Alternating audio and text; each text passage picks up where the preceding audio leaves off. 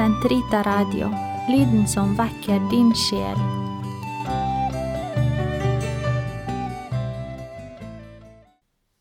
Den katolske kirkes katekisme, uke 37, torsdag 1514 til 1519. Hvem mottar og hvem meddeler dette sakramentet? I tilfelle alvorlig sykdom. De sykes salving gjelder ikke bare dem som befinner seg i ytterste dødsfare. Passende tid for å motta den er derfor med sikkerhet allerede inntruffet når den syke begynner å komme i dødsfare på grunn av sykdom som følge av fysisk svekkelse eller alderdom. Dersom en syk som er blitt salvet, blir frisk igjen, kan han, i tilfelle ny og alvorlig sykdom, motta sakrament på nytt. Under samme sykeleie kan sakramentet gjentas dersom sykdommen forverres. Man bør motta sykesalvingen før en viktig operasjon. Det samme gjelder for gamle som stadig blir skrøpeligere. Må han kalle til seg kirkens presbytere.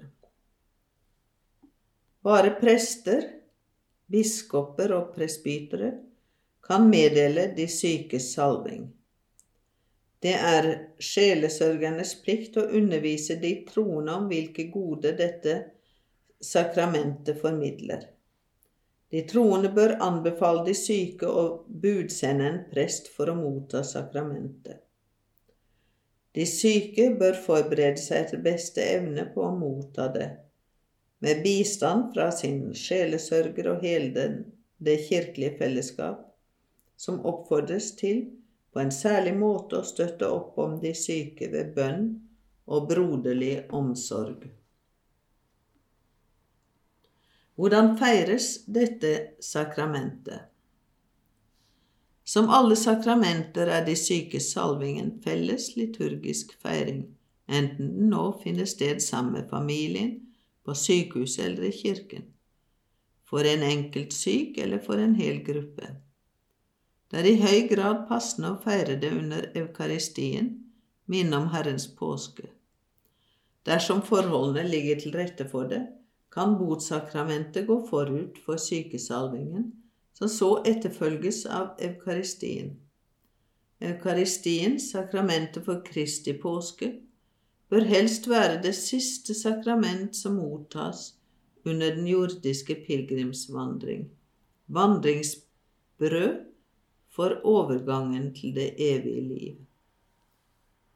Ord og sakrament utgjør en uatskillelig enhet. Etter synsbekjennelsen innledes feiringen med ordets gudstjeneste. Kristi ord og apostlenes vitnesbyrd styrker den sykes og forsamlingens tro, slik at de kan be Herren om å styrkes ved Hans ånd. Feiringen av sakramentet består i første rekke av følgende elementer. Kirkens presbytere, Jakob 5,14, legger i taushet hendene på de syke. De ber for de syke i kirkens tro. Dette er den særlige epiklese som brukes i dette sakramentet. Deretter foretar de salvingen med olje som om mulig er velsignet av biskopen. Disse liturgiske handlinger viser hvilken nåde dette sakramentet formidler til de syke.